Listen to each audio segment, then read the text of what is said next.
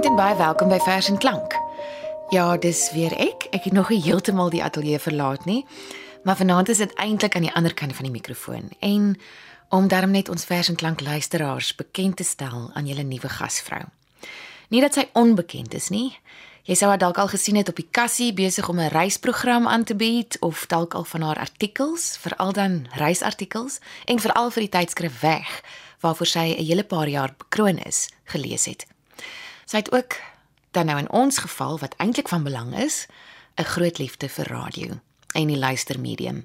En sy het in 2019 RSG se radiodrama skryfkompetisie gewen met haar beeldskone drama Anders geveer. En so 'n paar jaar terug het sy van haar gunsteling verse kom voorlees hier op Vers en Klank en die terugvoer na daai program was oorweldigend positief. Sofia van Taak. Ek ek voel ek moet sê dames en here en dan moet 'n drumroll wees, maar Sofia van Taak. Welkom Sofia. Dankie Frida. Ek wil net eers sê dat dit geen maklike taak was om iemand te kies om om die leiersels oor te neem vir hierdie program wat vir ons almal baie spesiaal is nie. 'n liefde vir digkuns is wonderbo wonder nie genoeg nie. Mens moet lekker baie administrasie doen, voorbereiding, redigering, Sofia se oor raak al hoe groter, verpakking, musiekies en meng en 'n klomp ander goed. Sterkte. En ek kon weens my persoonlike omstandighede nie meer by alles haal en nog e-posse beantwoord soos wat ek graag wou nie. En ek het besef dis tyd vir sogenaamde nuwe bloed. Vandaar Sofia nie net is sy een van my vertrouelinge nie, maar ek vertrou haar oordeel as dit kom by die woord en literatuur en dinge van die verbeelding as 'n mens die woord oordeel mag gebruik as dit kom by die verbeelding. Sofia is 'n boerling van die Parel en bly nou al baie jare, hoeveel jaar nou al in die Kaap? Jo, bykans twee dekades in Vredehoek. In Vredehoek. Sofia, hoe nou jou? Frida, ek moet nou net eers sê dit is daai heuningkwas is dan nou diep gedoop wat jy daar om my mond gesmeer het. Kyk, dis groot skoene om te vul en ek wil uit die staanspoor sê wanneer dit by radio werk kom, is ek 'n groentjie, maar 'n geesdriftige een. En dit is 'n heerlike vooruitsig om vers en klank se fakkel van hier af verder te dra. Soos jy genoem het, wil ons vanaand 'n bietjie gesels oor die tema van die verbeelding. Mhm. Mm Ons maak so dikwels op op digterstaat om die realiteite waarmee ons worstel in woorde raak te vat, om die lewe af te kook tot 'n stroopie wat ons makliker kan afsluk. En daarom probeer ons byna van nature altyd die dieper simboliek van 'n gedig uitpluis wanneer ons dit lees of aanhoor. Ons gebruik gedigte as brille waarmee ons na die werklikheid kyk, sodat dinge tog net meer sin kan maak. Maar die werklikheid het grense Dit word ingehok deur ons rasionele maniere van dink. Maar die kreatiwiteit steur hom nie aan die hekke van die werklikheid nie. Buitekant hierdie skanse lê die verbeeldingswêreld, 'n gans ander landskap wat digters ook dikwels betree. En die fabelagtighede wat hulle daar aantref, kom breek hulle vir ons oop soos ryp granate. Vanaand Vrydag gaan ons met die geestesoog ver tuur na daar waar vreemde skepsels hou en alle dinge moontlik is en die mens se vlees en been om nie inperk nie. Dis iets wat kinders nog so maklik kan doen. Mm. In hulle koppe is daar nog nie 'n heining tussen die droomwêreld en die realiteit gespan nie. Dink maar aan die storieetjies wat hulle die meeste geniet. Dis fabelagtig, maar hulle bevraagteken dit nie. Kinders verlustig hulle sonder meer daarin. 'n Goeie voorbeeld is Ingrid Jonker se Kabouterliefde wat sy vir haar dogtertjie Simon geskryf het. Dit het in 1963 by Afrikaanse Pers Boekhandel verskyn in die bundel Rook en Oker. Die kabouter met die rooi rooi pet. Die kabouter met die geel hemp aan het sy hart gisterand vir my gegee en sy hemp is vir die maan. Die hoepelronde blou-blou lig het kadoemps op die grond geval. Hy het gaan slaap by die gousblomme. Toe speel ons daarmee bal. Die sterre met hul wit ligte het geknip oog toe ons lag. Hulle het rondom ons in 'n kring getrek, soos 'n laar in die nag. Die aandblom het sy trom trompet geblaas in die warrelwind kring Die kalkoentjies met hul rooi mondjies het die sprinkaan wals gesing. Die maan met sy geel lyfie het gaan plat lê op sy rug. Hy het gaan slaap by die gousblomme met sy boepens in die lug. Die kabouter met die rooi rooi hart het dit self vir my gesê. Hy het die aardbol oor sy kop gegooi. O, dis hier waar die liefde lê.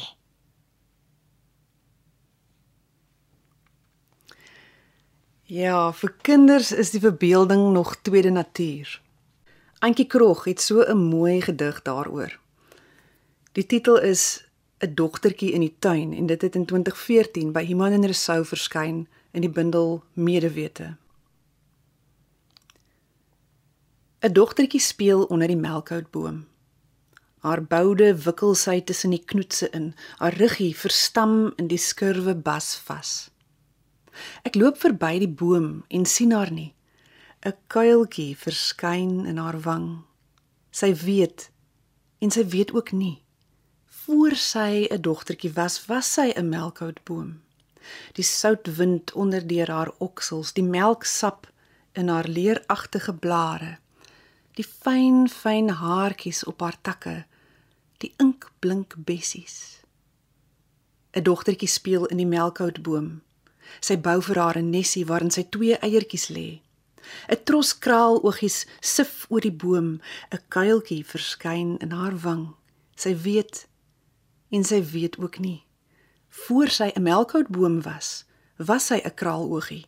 Dit was nou nadat sy die wind was. Haar haartjies is besig om vere te word.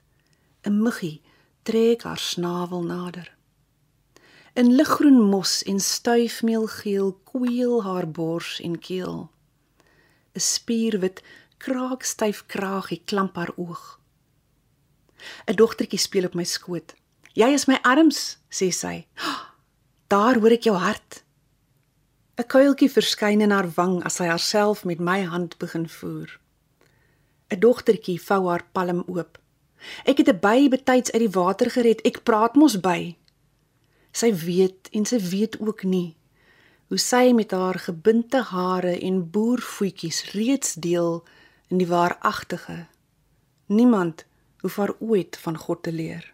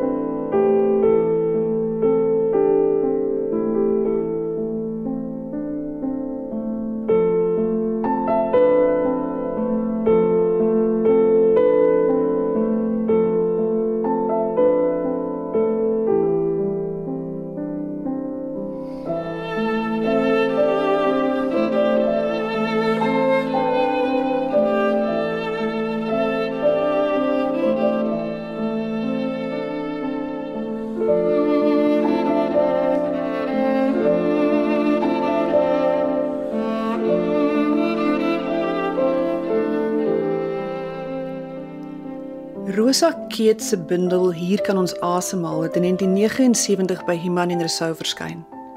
Daarin is 'n gedig getiteld Ek wens ek kon wat met die volgende strofe begin. Die merkwaardige verskynsels van monsters en meerminne het tersluiks verdwyn en dinge is nie meer geheim nie. Hmm, dis wat gebeur nê? Wanneer ons nie meer ruimte laat om dinge anders te sien anders te probeer verstaan nie. Dalk moet ons 'n slag die verstaan laat staan. Want dis ons beter weterigheid wat sulke merkwaardige verskynsels waarvan Keet praat, begrawe het. Daar's 'n ander kreatuur buite monsters en meerminne waaraan ek nou dink. Een wat die kinders natuurlik steeds kan raak sien, maar ons nie. En dit is die eenhoring. So skryf Karel Prinsloo oor die mitiese dier. Hy wy in soetgras saam met skaap en kapater in een landskap. In vleie met fonteine van verbeelding loop hy sonder spore. Dit dra hom deur woestyne, taai teen uitsterf. Aan die giftop snuffel hy, gly slim verby, los ook die suurbult. Sweef met weerlig hoewe oor 'n sinkpad motors geluidloos op galop loer langnek in by 'n vergadering, roer daar met sy horing troebelwaters skoon. Wil hulle hom jag, is hy skoonveld. Behalwe in stories van hoe hy aand vir aand staan met horing en blou oë in die kraters van die maan. Dis 'n mooi gedig. Dit kom uit Prinslose bundel tussen grensligte wat in 1990 by Iman en Rousseau verskyn het. Frida, ek dink groot mense se eenhorings is dalk dinosourusse. Navorsing vertel ons dat hulle darm regtig bestaan het en ons weet ook hoe hulle gelyk het, maar hulle maniertjies en leefwyse bly vir ons 'n raaisel, iets wat ons steeds aan die verbeelding oorlaat. Ernst van Heerden het so 'n mooi gedig geskryf oor 'n dinosourus genaamd Prehistories. Dit het in 1972 by Tafelberg verskyn in sy bundel Teenstrydige liedere. Ons het gisteraand in ons agterplaas 'n pterodactylus doodgemaak. Raai, hy het in of op ons moerbeiboom kom sit. Sy vlerke so flapperig en groot soos Mrs Pygel se sirkustent en sy lang snavel met keelsak soos 'n vergrote tuinsambreel. Die arme ding was klaar blyk ek sy padbuister en ek dink dis nogal onvraai van Boet Jan om hom spykers uit pa se rommelkamer te voer en ou besemstokke en stikkende fietsse en 'n voetjie se enjinkap. Hy het hom gate vol geëet. Hap, sluk, hap, sluk, hap, sluk. Ek het voor my siel geweet hy sou vrek. Want die drif van die happery het afgeneem en die ding se pens het behoorlik uitgebult van al die eysterware. Daardie groot tentvlerke het begin bewe, stof gemaak en sy nek het golwend geslinger soos 'n vikingskip se boegbeeld. Toe hy omkap, was ons almal by met stitte en koevoete en heiningpale om te keer dat hy nie die kombuisnok raakval nie. Gelukkig is die ramp afgeweer. Maar nou sit ons met die lijk. Moontlik plaas ons 'n klein advertensie soos mense verlore duwe met hul ringnommers adverteer.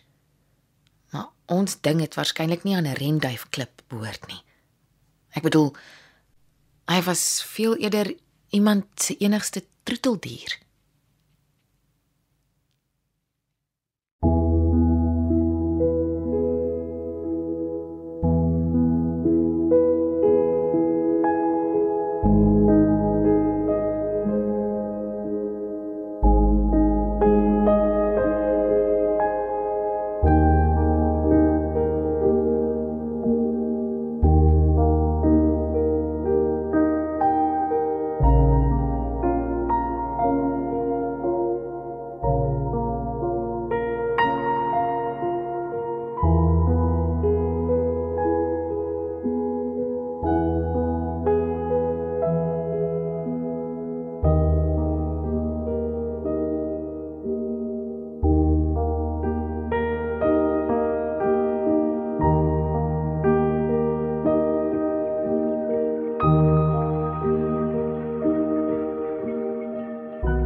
Luister na vers en klank en ons gesels vanaand oor die krag van verbeelding.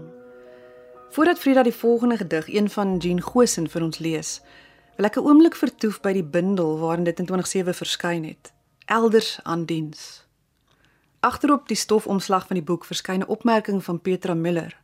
Sy het van die bundel gesê: As die wêreld te vreemd geword het om daarin te bly leef, dan kan ons intussen altyd Jean Gosen se poesie lees. Dalk was hierdie ou wêreld vir Jean Gosen te vreemd. Dalk sy vir die wêreld. Baie van haar gedigte ekho iets van Toshe se mening die wêreld is ons woning nie.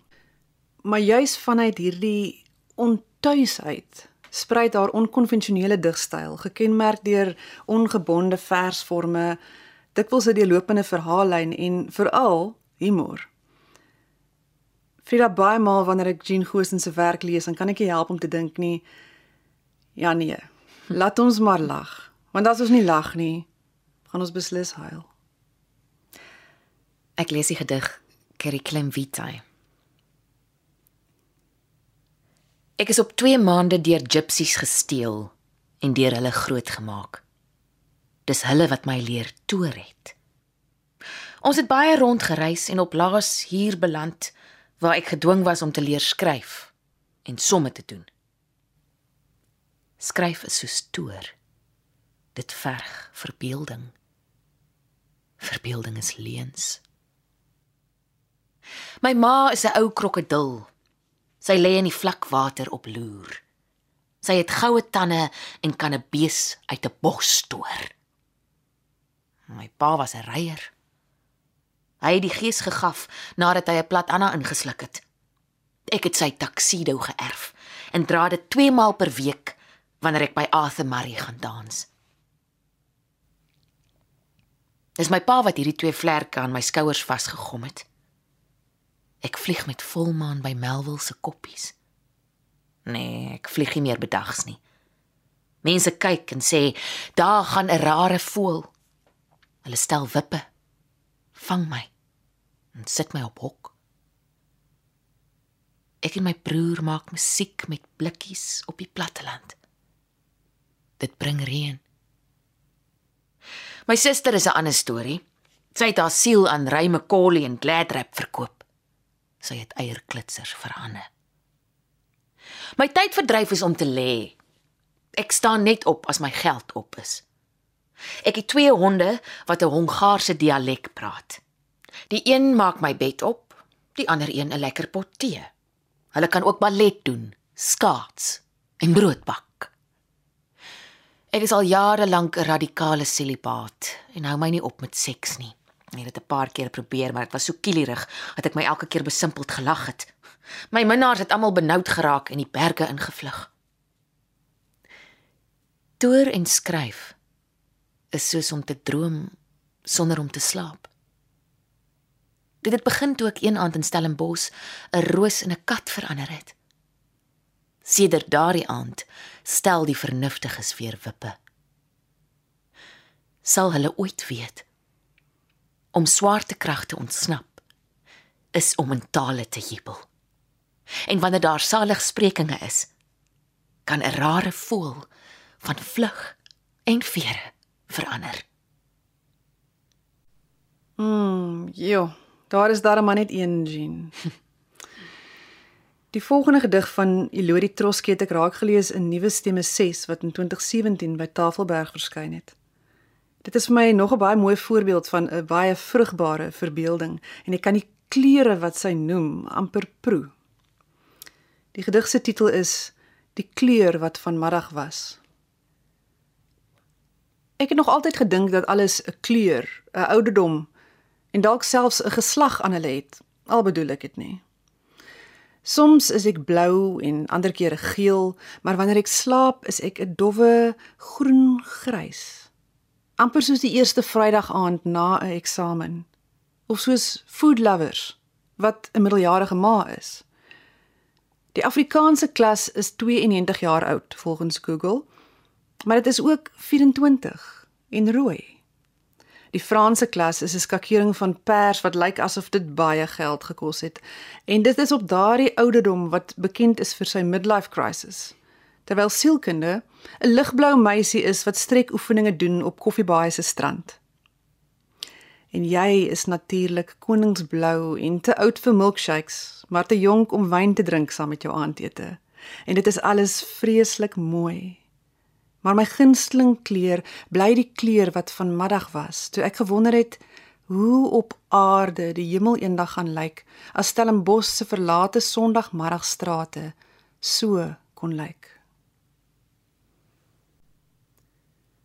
Dis byna tyd om te groet, Frida.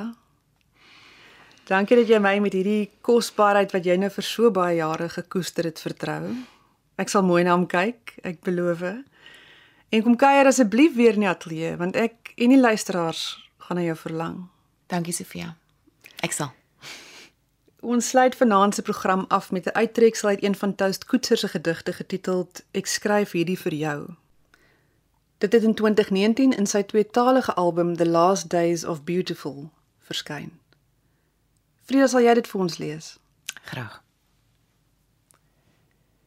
Ek skryf hierdie vir jou vanuit die maag van 'n berg waar ek ingedruk en geduldig lê en wag. 'n Onontdekte deel van die Merensky Platinum Reef. Ek wil aan jou meedeel dat ek 'n tiervis is en ek swem kalm in die warm waters van die Okavango rivier verby die sliertwortels van papirusse en my tande blink. Ek lê met my oog teen die stof by op die koppie en ek kyk na die verslete, vreugdevolle voete van mense wat by my verbystroom. Ek is in die klein vinnige spasie tussen Paul Hamner se vinger en die klawer van die klavier net voor hy daaraan raak. Ek sit tans met my hande gevou rondom 'n perfekte granaat in die verbode boord van 'n Persiese tiran 'n duisend jaar gelede en dis volmaan. Ek spoel uit op 'n strand sonder 'n draad klere, omring deur goue munte en die wrakstukke van my karveel en meeuwe is gou daar om aan my oë te begin pik. Ek is in die kar op die Kreersdorppad en die verkeer is opgehoop. My vensterarm is al rooi gebrand en my sonbril is gekrap en ek dink aan die slagte wat ons saam dronk was en die wêreld vir oomblikke kon verstaan en besluit het dat ons vriende was en altyd sal wees en uit mekaar se lewens sou leer hoe om te lewe. Ek kyk nou hier na my glimlag in die spieël en dit is verbasend genoeg die glimlag van 'n skoonheidskoningin. En ek besef dat ek nog nie my beenhare geskeer het nie en ook geen idee het hoe ek wêreldvrede sou kon bewerkstellig nie as die wêreld vrede wou hê. Ek het 'n vrou en 3 kinders. Ek geniet 'n sigaar. Ek is 'n kibaan. Ek verkoop grawe. Ek soek 'n voetpad en vind dit en volg dit verby hoë kraanse en versteekte fonteine na 'n vingergetrekte sirkel in die sand waarbinne ek kruisbeen gaan sit en terstond verander in 'n dassie voel met klein swart oogies soos papaja pitte. As jy kan onthou dat papajas eens pitte gehad het. Ek is swart en wit en wanneer jy my klaar afgeskil het, sit die stof van motvlerke aan jou vingers vas. Ek is verheug dat julle almal hier is. Ek ken al julle name. Wanneer ons hierdie vertrek verlaat vanaand, verlaat ons dit met nuwe name en die nuwe tuistes wat ons in die nanag gaan bereik, bestaan in die geheue van die mense vir wie ons lief is en wie lief is vir ons. Ons bestaan voort in die gloed van middernag petrolstasies. Ons lê almal stil aan die voet van witgatbome ver hier vandaan in die diep Karoo se grouste gleuwe. Ons is 'n oopgevlekte snoek op 'n braai waaroor nou 'n mengsel van botter, appelkoeskonfyt en knoffel gesmeer word. Ons is mikroskopiese tekens van lewe op die skadukante van swerwende komete. Ons is as en as is ons.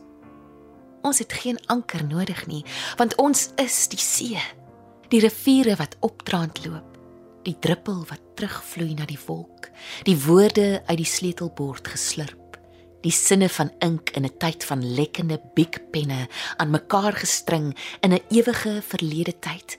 Van gryp die dag aan van lig jou snavel na die son van oog teen die meniskus van rooiwynglas van 3 in die hoekie in beseringstyd van woeker van fluit van flik van sin van wand en daar ver terug in daardie oerverlede sit ons nou onder 'n oorhang waarbo die sterre bruis saam om die gloed van 'n vuur en glimlag